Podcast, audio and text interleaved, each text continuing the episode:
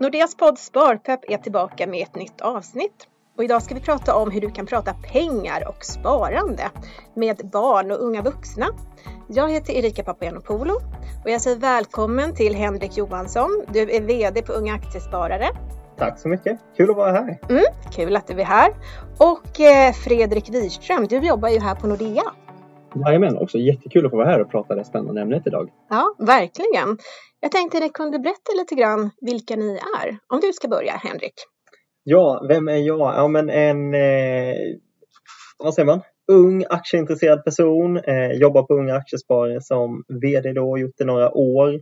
Eh, ja, men brinner mycket för sparande egentligen och framförallt för väldigt långsiktigt sparande tycker jag är väldigt kul. Det var en bra presentation. Och du Fredrik, vem är du? Du jobbar ju också här på Nordea som sagt. Ja men precis. Jag har jobbat på Nordea inne på femte året här och eh, har väl också haft lite koppling till Aktiesparare tidigare, varit medlem där och alltid liksom brunnit för långsiktigt sparande. Och det var därför jag hamnade på Nordea. Idag jobbar jag eh, egentligen lite mer med projektledning och eh, hjälper till att ansvara för en hel del med vårt fantastiska samarbete som vi nu har med Unga Aktiesparare, vilket är väldigt kul.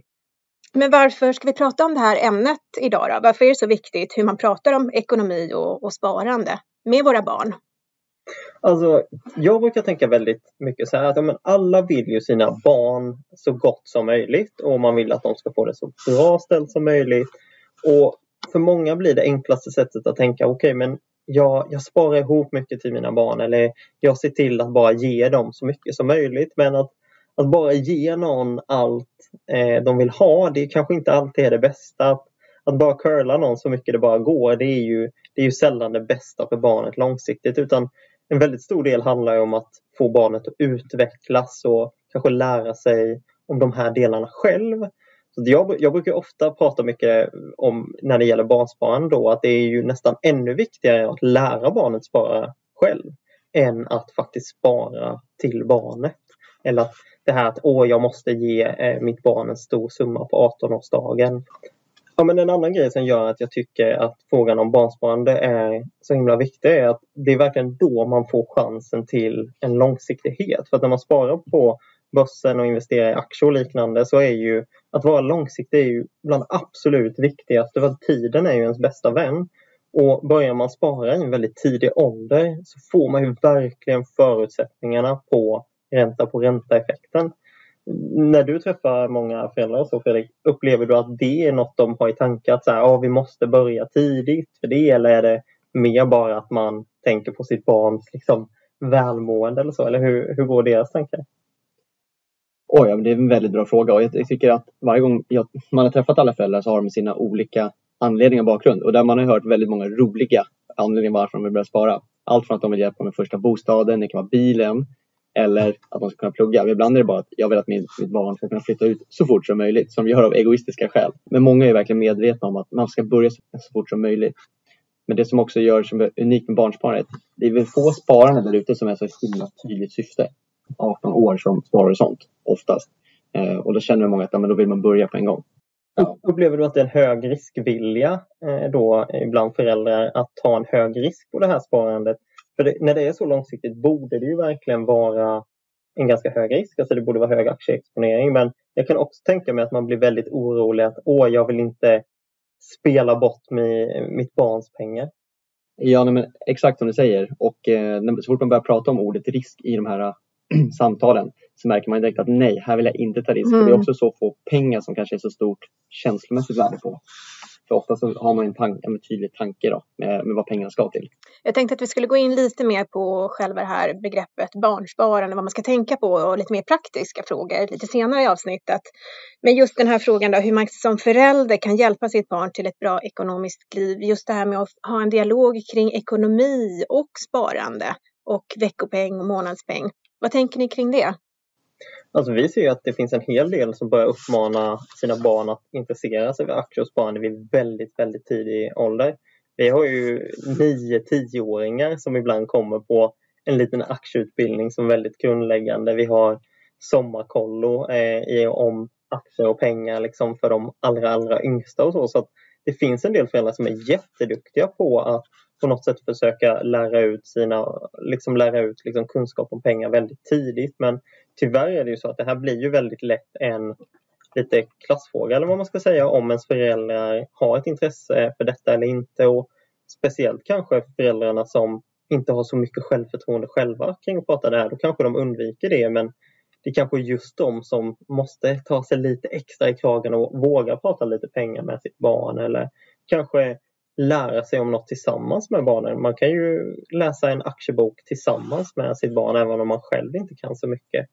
Så att våga intressera sig tillsammans tror jag är en väldigt, väldigt bra väg. Mm, men just det att sätta sig ner tillsammans med barnet och räkna lite grann på hur funkar det här? Men det är inkomster det är utgifter mm. och även om man är barn då så kanske man får någon slags inkomst, eh, någon veckopeng eller månadspeng. Och det är ungefär hälften av alla föräldrar som ger sina barn veckopeng eller månadspeng. Och det är ju som sagt ett bra sätt att eh, lära barnen förstå pengars värde som du var inne på också innan. Ja, och det viktiga med en veckopeng det är ju inte att åh, det är så viktigt att barnet får mm, pengar och handla precis vad den vill för utan att den får en liten peng den måste planera kanske. Ja, men om du vill ha de här grejerna, ja, då är det här en lite dyrare grej. Då måste du vänta lite längre. Eller alltså, både lära sig skjuta upp konsumtion men också när man ska kanske så prioritera och göra beslut och så. Alltså det ju, finns ju en väldigt liksom, tydlig läroprocess i att ha en veckopeng. Så jag är nog väldigt, väldigt för en veckopeng, även kanske i en väldigt låg ålder, men det behöver inte vara så mycket pengar. Ja, men precis, och vi kan ju se att de som får en vecko eller månadspeng, de får ju lättare att hushålla med pengar längre fram i livet också. Mm. Men eh, vad tänker du då, eh, Fredrik? Hur, har du, hur mycket ska man ge i veckopeng, månadspeng? Kan man mm. rekommendera någon summa? Man ska väl alltid utgå från, jag tänker, man utgår först och främst från sin egen ekonomi, men det är väl framförallt också till, till barnets ålder. Eh, och där har vi sett lite statistik. När vi gjort en undersökning så ser vi väl att ja, barn, man börjar ge veckopeng, är det 6 till 8 år så börjar man ge en vecko eller månadspeng på 130 kronor i månaden tror jag. Och det är som du är inne på Henrik, att det är inte, kanske inte alltid summan, utan att man gör och ger någonting och så får de börja lära sig. Men jag tycker framförallt man ska tänka på också att om pengarna tar slut, då ska de väl inte att man bara ger mer utan då så här, nu är de slut för den här månaden, mm. nu får du vänta till nästa i så fall. Eller vad var det som gjorde att de tog slut?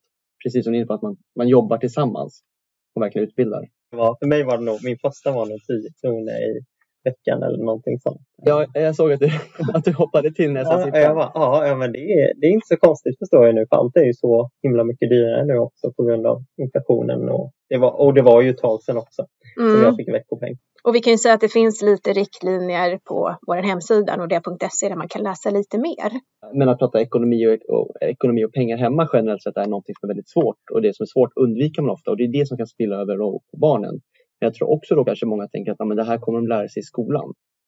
Och visst, man pratar ju en del ekonomi och pengar på hemkunskap, men jag tror inte riktigt kanske det som, som vi tänker på här när vi pratar mm. unga aktiesparande, långsiktigt sparande. Där pratar man väl lite mer kanske budget, man ska göra ett inköp. Något ämne tar fullt ansvar så att barnet kanske inte riktigt kommer att liksom bli garanterad att lära sig om privatekonomi i skolan. Eh, vi, vi promotar ju väldigt mycket att barn ska få lära sig mer om privatekonomi i skolan. Vi ser ju att ungefär 80 procent av alla gymnasieelever skulle vilja ha mer privatekonomi i skolan.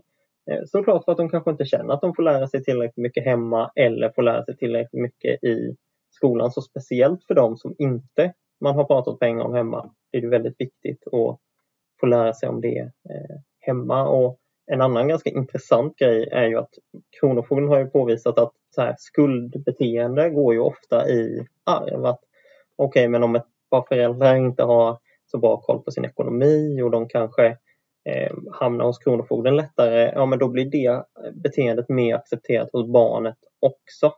Eh, så att då är det antagligen ett par föräldrar som inte pratat så mycket ekonomi. Våga prata om det och det finns ju väldigt enkla sätt att introducera sitt barn för aktier och investeringar. Det ja, finns ju bolag som alla känner igen som man kan mm. investera i. Kan du inte ta något exempel? Ja, ja, men tar man om du har ett barn i 8-9 eh, års åldern, ja, då kanske inte den känner till jättemånga svenska industrier, men du kanske kan hjälpa den köpa aktier i Disney eller i Netflix. Den kanske är jätteidrottsintresserad och sportig, ja men då kanske det är Adidas eller Nike. Så de, många av de här varumärken de konsumerar finns ju på börsen.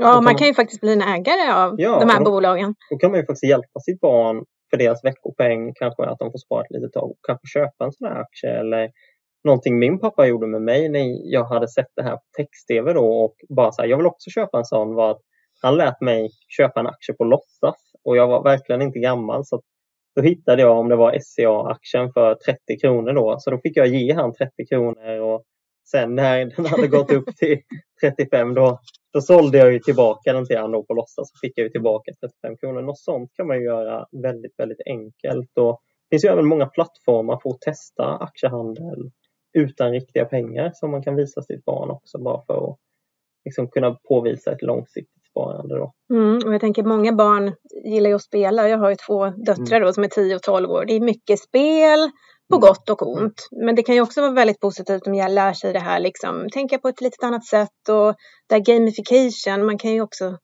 prova sig fram liksom, i den här världen. Det behöver ju inte vara på riktigt, det kan ju vara lite fiktivt, men att det här tankesättet också. Ja, verkligen. Alltså, också att man alltid tänker med sparande att man gör ett tydligt syfte och mål. Vissa tycker det är jättesvårt, men vissa tycker det är jätteenkelt. Men man, man kan visualisera och göra någonting roligt av det och det är väl någonting som verkligen jag själv försöker jobba med. Vi pratade tidigare om innan vi började här mm. hur många sparare, olika sparande du har Henrik, men du verkar ju jobba verkligen med att sätta upp tydliga mål för varje sparande och sätta ett, ett branding eller ett märke på varje. Och då blir det en rolig sak och ett tydligt mål för varje sparande. Ja, jag tror det är superviktigt och mm. att man visualiserar det där. Okej, vi vill göra någonting om några år, en resa eller vad det nu är, en upplevelse eller någonting. Okej, men då behöver vi spara, vi behöver lägga undan en summa varje månad, till exempel månadssparande. Och att man gör då en plan tillsammans med barnen, för det blir ju roligare under resan, men att man kanske också firar längs vägen delmål. Men det kan vara längre tidshorisont också, men just att man visualiserar lite så blir det mer konkret. Pratar du mycket ekonomi och sparande med dina döttrar? jag försöker göra det faktiskt. Jag måste erkänna att det blir en del swishande, men att eh, de förstår ju liksom att jag kan inte swisha hela tiden och de får lära sig hushålla med sina pengar. Så att jag tycker ändå att de är ganska noga liksom så.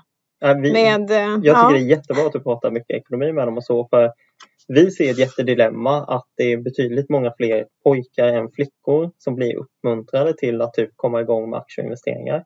Man sparar nog, tror jag, i samma utsträckning till sina söner och döttrar. Där tror jag inte skillnaden är så stor. Men vi ser en jättestor skillnad i hur mycket man uppmuntrar sina, liksom, sina söner än sina döttrar då i att komma igång med ett aktiesparande. Så när vi gör undersökningar bland vi, våra medlemmar då så är det ungefär dubbelt så många pojkar som flickor som har blivit uppmuntrade att gå med i Unga Aktiesparare eller att då kanske fått ett medlemskap som present. Så det är, är du pojke är det dubbelt så stor chans att någon uppmuntrar dig att gå med i typ Unga Aktiesparare eller liknande. Mm. Och det, det, tycker jag är ett jättedilemma verkligen. Så är det någonting verkligen jag vill skicka med så är det till alla ni som har en dotter att inte missa dem. Eh, för tyvärr är det jättemånga som gör det, att man typ tänker att nej men min dotter kommer inte vara intresserad av det här för att på något sätt aktier, ja men det är mer killar som är intresserade av det i nuläget och att då, det är så många som gör det omedvetet så tänk en liten extra gång på att verkligen prata ekonomi även med er dotter. Men hur tror ni att vi kan ändra på det då? Mina barn har inte börjat eh, med aktier och fonder än, men det är just det här beteendet att tänka kring ekonomi och inkomster och utgifter mm. och lite budget och sådär. Men jag ska definitivt absolut mm. uppmana och uppmuntra Ja, och jag att prata aktier och fonder, det är väl säkert flera steg om man ska komma till vara en högre ålder också. Precis. Men just kanske bara vad, vad sparandet kan leda till, att man alltid alltså, bör, bör prata om, om vad, vad det kan leda till i slutändan. Om de nu har någon fritidsintressen eller det kan, vad det nu kan vara, att man kopplar till, aha, du vill göra det här. För att du ska kunna göra den här resan eller köpa den här saken så kommer du behöva sätta av lite pengar. Och då börjar ställa sig själv frågan, men när vill du ha den? Vad kostar den? Okej, okay, hur kan vi då göra? och Bryta ner det som vi pratar om i delmål. Vad kan vi göra här och nu idag då? Ja men vad roligt, du, om du sätter av 20 kronor i veckan så kommer du ha det här om två, tre månader kanske. Mm. Och just det tankesättet tror jag de är mogna för att eh, prata om ganska tidigt ändå. Jag menar, de har ju ändå mm. matte i skolan och ett plus ett mm. är två. Så komplicerat behöver det inte vara, men att man börjar där. Så att man sår ett litet frö. Var, var ni fokuserade på pengar när ni var små? Hade ni ett stort intresse för sparande eller var ni ekonomiska? Ja, jag tror jag alltid gillat att spara men jag har inte riktigt vetat vad jag sparar till. Och det har jag försökt lära mig i slutändan nu i senare åren att försöka sätta upp de här tydliga bilderna. Jag var nog bara snål. Jag var inte jätteekonomisk. Jag var nog lite bortskämd när jag var liten, ensam barn. Men sen flyttade jag hemifrån väldigt tidigt, eh, efter ettan på gymnasiet. Och då var det dags att, att lära sig och tänka till. Men nu jobbar jag på bank. Jag tyckte väl i, att det var lite krångligt med fonder och aktier och sådär kanske, men det behöver det inte vara. Man behöver bara komma igång liksom. Men det finns ju också en hel del eh, bra saker på vår hemsida, Fredrik. Vår sparkalkylator till exempel. Ja, men jag tycker de är ju perfekta. Jag brukade lyfta dem i, eh, liksom i många kundmöten jag hade. Eh, liksom när man ska då se vad det kan bli, för det är också svårt att komma igång. Att komma igång, ja det vill man göra, men vilken summa? Då blir det ytterligare beslut man ska fatta. Alltså, ja, vilken summa man ska sätta och det får man ju alltid ställa sig frågan tillbaka till sig själv. Vad passar bra för min ekonomi? Men då kan man ju lätt se lite, men om man testar att slå lite olika siffror i de här sparkalkylatorerna. Men om jag sparar en vanlig summa är väl någonstans mellan 300 till 500 kronor brukar folk spara i månadspeng kan vi se när vi gör undersökningar. Men vad blir det om jag sparar 300 kronor i månaden i 18 år? Om jag adderar till 400 eller till 500 kronor i månaden. Vad, vad, liksom vilka summor det blir, vi som pratar om det här med långsiktigt sparande och, och liksom långsiktighet. Det blir ju verkligen stora summor på lång tid. Då kan man verkligen få bilder. Vad, vad kan det här bli? Vad, vad är det jag vill göra med pengarna? Som jag sa, jag sparade bara för att jag var snål. Jag visste inte vad jag ville göra. Men när man ska spara till barn kanske man vill få upp en tydlig bild av vad det här ska vi göra. Och det handlar om att komma igång så tidigt som möjligt. Och, det, och de första tio åren troligtvis så kommer man ju själv bara mala på med det här sparandet. Men som vi var inne på sen, att börja engagera och få, och få, få med barnet, eller ungdomen då kanske, om det nu är 14-16 års ålder, liksom att förbereda dem och börja prata om de här pengarna. Så att vi liksom gör dem redo för överlämningen. Eh, jag tror stenhårt eh, på att en eh, ung person som har haft en förälder som har pratat väldigt mycket med dem om sparande eh, kommer ha mycket, mycket bättre förutsättningar än den som har fått en stor eh, liksom, peng insatt på sitt konto. Man kan bara ta ett exempel, alla som vinner en miljon på lotteri. Hur mycket av det har de kvar efter fem eller tio år? Det brukar vara en ganska liten del. Men de som har fått lära sig spara ihop eller tjäna ihop till det, till det här själv. Mm. Ja, de, brukar ha, de brukar kunna behålla den miljonen säger vi väldigt, väldigt mycket längre och snarare förädla den istället. Mm. Så det är, jag tror stenhårt mycket mer på kunskap än att spara. Sen är jag jättepositiv till att man faktiskt sparar, men då kanske lite mer på att ha som kanske någon reservfond för att kunna stödja sitt barn med en bostad eller något sådant. Men när kan det vara klokt att börja spara till barnen? Ja, nej men generellt sett skulle jag säga att man vill ju komma igång och börja spara så fort som möjligt. Men man måste också ta hänsyn till att när man får ett barn så kommer det också medföra troligtvis en, en ny form av livsstil, framförallt om det första barnet. Eh, troligtvis lägre inkomster och troligtvis högre eller utökade utgifter. Så att se till att man har en bra buffert på plats, så att man är redo för de oväntade utgifterna helt enkelt som kan uppstå. Men så fort man har den på plats, ja, men då är det egentligen bara att komma igång och börja så fort som möjligt. Och, och känner man att 500 kronor i hela barnbidraget, det känns väldigt mycket. Ja, men börja med några hundralappar. Jag tror att som jag sa tidigare, när vi har gjort eh, undersökningar ser vi att någon, det genomsnittliga månadsbarnet ligger någonstans på 500 kronor. Så börja med några hundralappar och kom igång så fort som möjligt eh, är väl ändå tanken. Och det som är så fantastiskt med månadssparande är att det är så himla enkelt att starta men också underhålla och känner man att nu går det inte längre men det är bara att minska det då eller ta, ta en liten kort paus helst om det bara kan minska så att det ändå får liksom mala på. Och det dras ju automatiskt, det är det som är så fiffigt också. Om man är med på både upp och nedgångar. Och jag tror verkligen att barnsparandet är lite extra bra på ett sätt för att då du har så lång tid på dig mm. och därför borde du ta ganska hög risk. Du borde ha i princip bara aktiefonder eller rena aktier.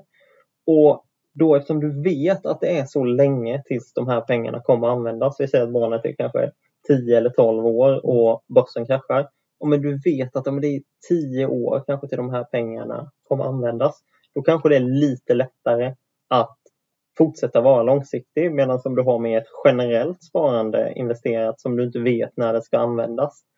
Då kanske du tänker istället att Åh, det kanske blir något roligt jag inte kan göra nästa år eh, för pengarna för att du inte har en tydlig när pengarna ska användas. Men när det blir så långt fram, då kanske det blir lite lättare att låta pengarna vara. Mm. Jag tänkte vi skulle gå in på lite praktiska mm. frågor vad det gäller just det här barnsparande. Det är ju en väldigt vanlig men viktig fråga det här om man ska spara i barnets namn eller i mitt namn. Mm. Ja, och den ställer vi nästan alla sig själv frågan. Eller när vi får frågan, eh, rådgivarna på Nordea. Ja, men hur ska jag nu göra, hur ska jag tänka? Och då får man ofta bolla tillbaka frågan såklart. Ja, men vad är syftet med, med, med sparandet? Och sen får man väl lyfta för och nackdelar då. Det är ju väl oftast, ofta så landar det i att man sparar i föräldrarnas namn just för att känner du själv att, eller om du sparar i barnets namn så kommer ju barnet på 18-årsdagen samma dag få full kontroll över pengarna. Är det ett scenario du kan tänka dig? Eh, att, att barnet är så pass redo att ta emot den här stora summan pengar som, som det nu kan bli på 18 år. Eller så kan du liksom, eh, garant, försäkra dig om att, att pengarna finns kvar eller du kan disponera och styra dem lite mer om du väljer att spara med ditt namn. För, för sparar dem med ditt namn, då är det fortfarande du som äger pengarna och får förvalta dem och kan ju välja när du vill lämna över dem. För så fort du gör överföring till barnets namn då blir det som en gåva och juridiskt sett så är det barnets pengar och du som förmyndare får bara rätt att förvalta dem. Så du kan inte ta ut dem eller liksom använda dem egentligen alls. Det finns alltså en eh, liten risk att de där pengarna på 18-årsdagen blir så här Magaluf 2040 eller någonting sånt. Det finns en liten sån. ett, ett sånt scenario helt enkelt, ja. Det, ja, det är lite fan. Jag är nog också väldigt för att man ska spara i sitt eget namn och sen kanske då portionera ut pengarna. Har du flera barn så eh, sparar du allt kanske i ditt eget namn. Då kan du se till att det blir lite mer rättvisa summor. Medan om du har flera barn i olika åldrar, ja då kan det bli att beroende på hur börsen går kan det bli väldigt orättvist eh, mellan de här barnen hur mycket de får. Mm. Men då kan du annars portionera ut det så att det blir ganska rättvist och på något sätt inflationsjustera det. Så att, eh, jag tycker verkligen, spara ditt eget namn men sen kanske du kan uppmuntra barnet att starta sitt egna aktiesparande istället. Alltså mm. sitt helt egna sparande. Då får du lite bästa av båda världar. Och så mm. får de upp intresset också och det är alltid enklare när man ser, när man själv kan vara med lite och, på ett hörn och, och se hur det funkar och hur det förhoppningsvis växer. Ja, eller låt kanske alla barnen vara med och välja aktier och fonder till deras gemensamma sparande. är ju ett väldigt bra sätt. Jag känner någon eh, farmor och mormor då som sparar till sina barnbarn och då eh, säger hon att enda kravet jag har att jag ska spara till er är ju att ni ska vara med och välja vad vi investerar i. Så hon säger det att jag, jag lägger undan till er men då måste ni vara med mig och välja vilka aktier och fonder vi investerar i. Att det är kravet hon har på dem. Eh, vilket jag tycker är väldigt, väldigt bra. Ja, det är ett bra sätt att lära sig. Verkligen, få upp intresset. Mm. Men det här då, hur man ska lägga upp sparandet. Vad finns det för olika alternativ? Och jag tror att det här är en fråga som många kan tycka är så krånglig och därför mm. de inte kommer igång. Mm. Det behöver inte vara så svårt, eller hur? Nej men verkligen, och det ser vi också. Väldigt många vet ju om att de vill börja spara och sen så börjar de så öppnar de kanske ett vanligt sparkonto och så döper de det till barnets namn och sen lägger de pengarna där. Och absolut, allt sparande, det bästa sparandet är det som blir av, men just när det är så långsiktigt så vill man ju verkligen eh, lägga det i någon form av, av fond, alltså fond eller aktier, alltså man investerar pengarna. Eh, och där finns det också lite olika alternativ.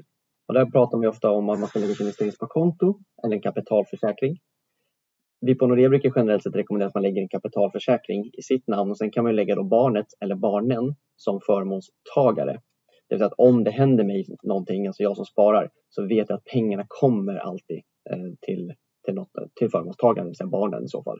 För det kan också hända mycket under resans gång om, man, om det händer någonting med partnern eller man kanske inte man kanske skiljs åt eller någonting.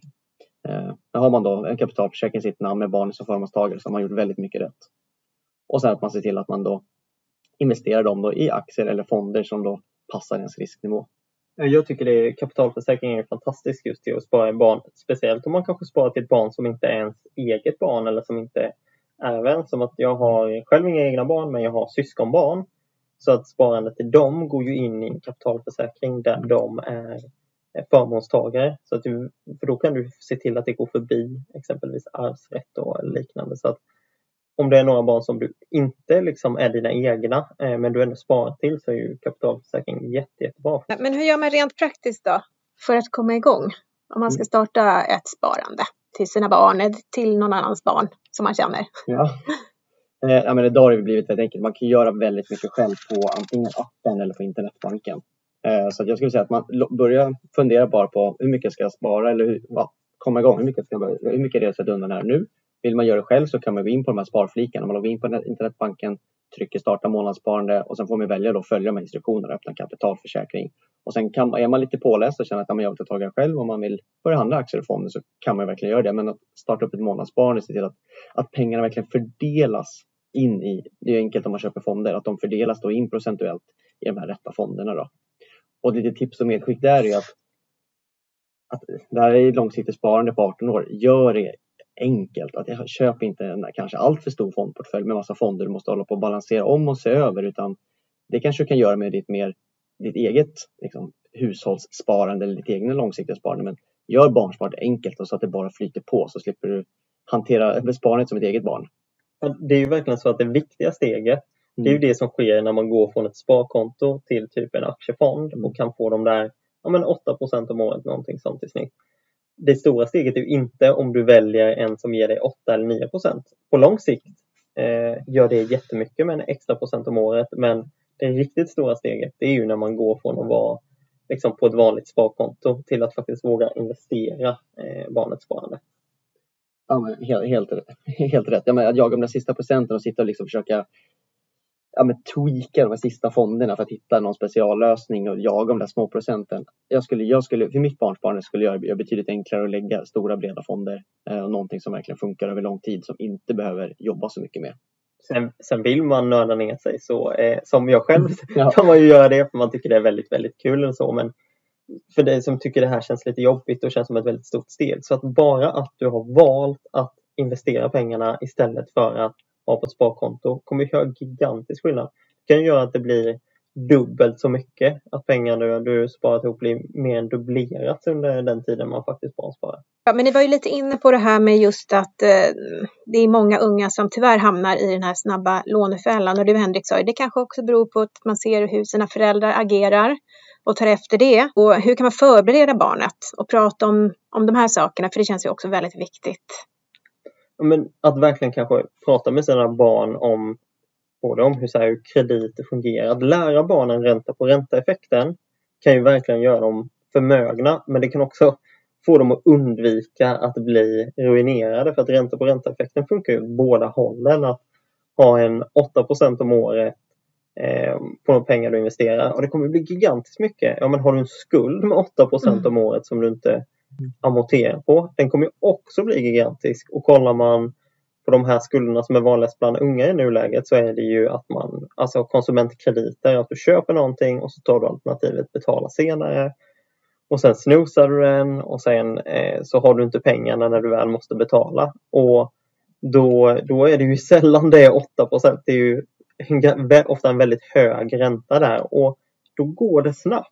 Alltså då, börsen kan gå snabbt men då, med de här krediterna kan det gå jättesnabbt. Ja, nej, men precis. Och det är ju så med tragiska siffror när man ser det. Mm. Jag vet själv att eh, när jag tidigare var ute, vi har ju ett väldigt roligt program som heter Ekonomipejl. Eller program, eller liksom, som en utbildningsmaterial som vi åker ut och utbildar eh, årskurs 8 och 9 eller gymnasieelever. Jag var själv ute sex gånger på en skola i, i Stockholmsområdet och pratade just alltså, långsiktighet, sparande, buffert, men vi pratade också mycket kring lån i för, för att det är förebyggande syfte. För att det händer så mycket på 18-årsdagen. Du blir myndig och, och du öppnas ju upp då i hela den här kreditvärlden. Och då kommer de här äh, snabbkreditföretagen också hoppa på och ringa dig. Man vet ju hur många samtal man själv får i veckan.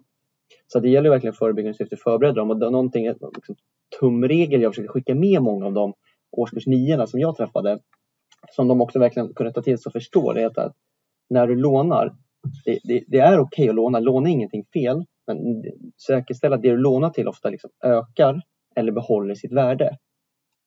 Då blir det mycket lättare att relatera och förstå, okay, men var är jag ska låna? Vad är det okej okay att låna till det här? Ökar den här saken eller behåller den sitt värde? Ja, men en, en, en bostad till exempel, eller man kanske behöver ta ett studielån för sin utbildning, men då ökar man investerar värdet i sig själv. Men en Macbook kanske inte ökar och behåller sitt värde på samma sätt, eller en, en resa. Och vi tog mycket sådana exempel. Det var många som liksom, poletten trillade ner så man tyckte att ah, wow, ja, det här var ändå bra. Så det var många som tog med sig det. Och liksom, jag såg hur många skrev ner det på sitt anteckningsblock. Ökade behåll sitt värde, låna okej. Okay. Annars, ja. nej. Och just det här också sätta upp, vill man köpa någonting oavsett vad det nu än är, mm. ja, okej, okay, men sätt upp det, eh, ha ett sparmål. Mm. Börja spara till det så, så kan du köpa det för dina egna pengar istället. Den mm. känslan är väl lite härligare än att ta ett lån. Liksom. Mm. Jag, jag coachade faktiskt en kille lite som hade hamnat i en riktig skuldfälla och hans väg in till skuldfällan, det första mm. eh, lånet var att han köpte en pizza på kredit. Han köpte en så här, han tog en pizza och tog den på avbetalning. Jag tror vi räknade ut vad den här pizzan hade kostat. Nej. Alltså det, det är den dyraste pizzan jag har varit med om. Men det var så det började och sen Mm. blev det en resa på kredit och sen blev det en säng på kredit och sen blev det väldigt många parfymer på kredit. Mm.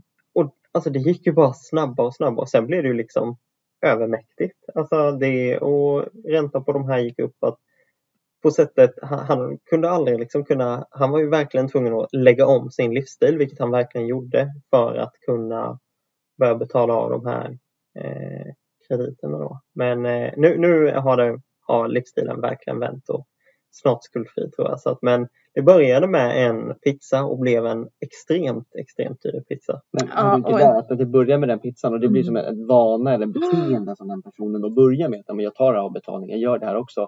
Och det är väl det man ska vara så försiktig med hemma, vilka signaler man skickar ut. För barn gör ju inte alltid som vi säger utan ofta som vi gör.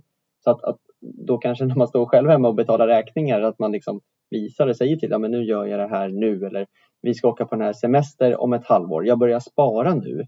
Att, att man liksom pratar och verkligen visar hemma, så här gör jag. Mm. Eh, så att de också säger, aha så gör de. Det gjorde det verkligen att åka på den här sommarsemestern när man nu, eh, när det blir sommar, att ah, nu kommer vi iväg för att pappa och mamma de satte tidigt och planerade redan nästan i jul. Mm. Ja men precis, och så brukar jag göra. Ibland brukar jag Mm. bara säga så här, ah, vad gör du? Säger något av barnen Mm. så här, mamma vad gör du?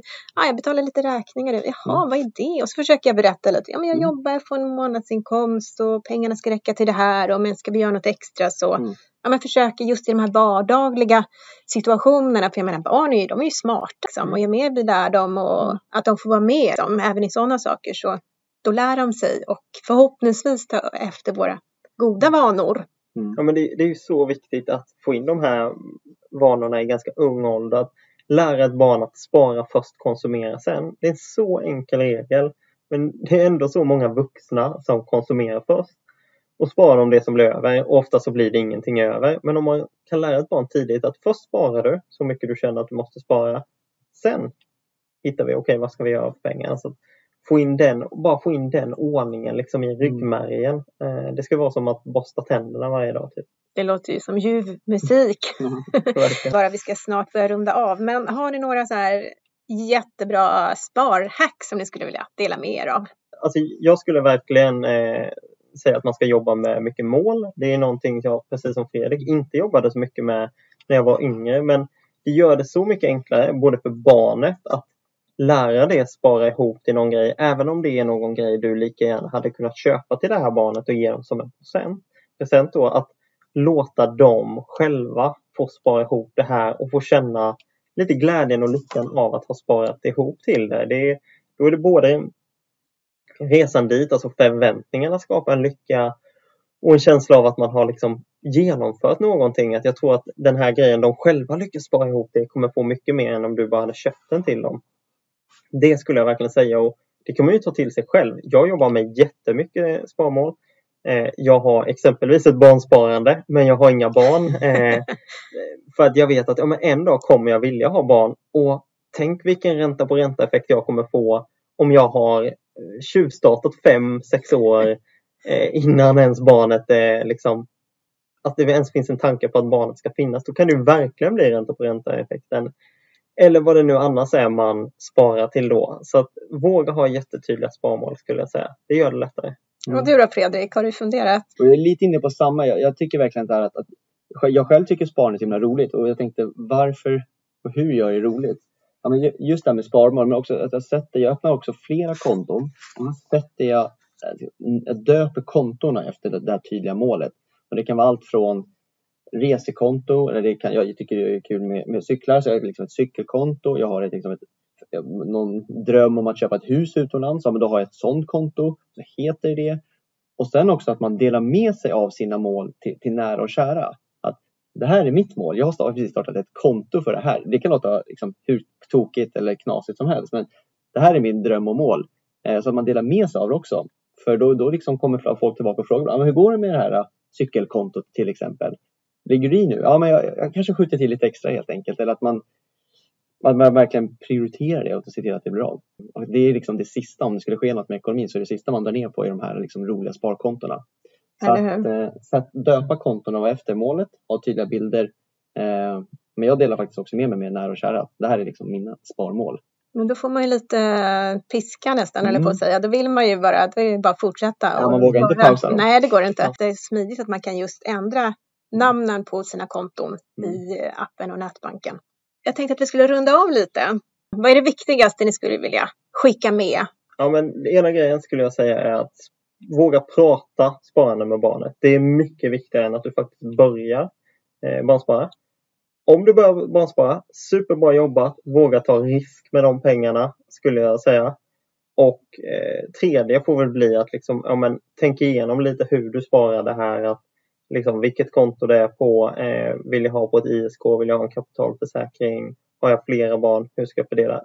Ha en liten plan i alla fall. Så att jag säger ju det. att Prata med barnet, våga ta risk och ha en praktisk plan skulle jag säga. Och du Fredrik? Hur ska man kunna toppa dem där? Eh, Det var jättebra summerat Henrik. Det är vi lite precis det inne på. Nej, men att, att verkligen komma igång. Vi var inne på hur gör man? Ja, men man kan väldigt enkelt själv idag gå in på internetbanken. Men det här är ett stort och viktigt sparande.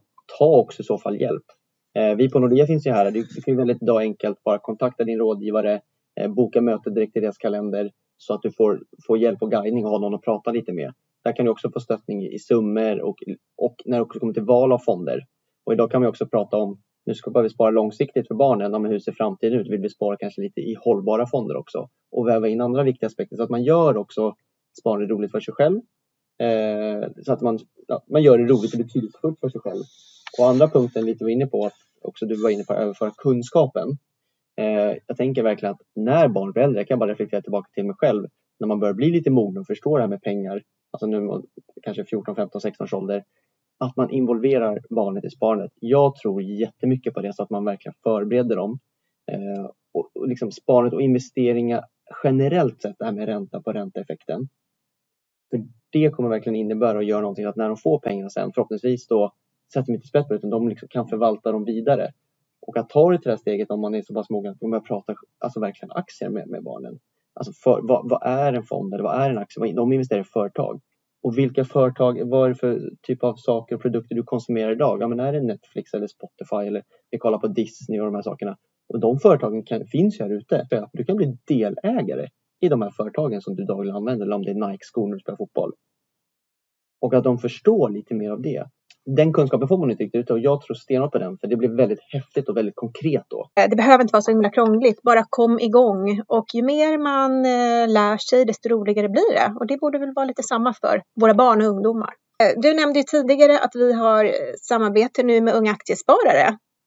Ja, och det är superkul och det ska vi verkligen passa på här nu Mm. att, att du som Nordea-kund utnyttjar det i sommar. Vi pratar om det här med kunskap och utbildning. För alla Nordea-kunder just nu får ju, om man blir medlem, medlem Unga Aktiesparare, får ju dessutom en hemlig gåva. Va? Man får ett lite bättre pris och en present. Henrik, Man, man, har ett litet, eh, man har ett litet specialerbjudande så både är lite bättre pris och så får man en liten sommarpresent också. Så att eh, passa på det erbjudandet. Det är ju väldigt, väldigt mycket man kan göra för en ganska liten peng. Man kan gå på massor av event, utbildningar. Det finns hur mycket som helst man kan lära sig om aktiesparande hos oss. Just det, perfekt. Så det ska vi verkligen passa på att skicka med. Och det kan du köpa om du själv är lyssnare som är mellan 0 till 28 år. Va? Så kan du ju bli medlem. Eller om du som förälder, förhoppningsvis här som lyssnat idag. Det här är en fantastisk gåva att köpa och ge bort.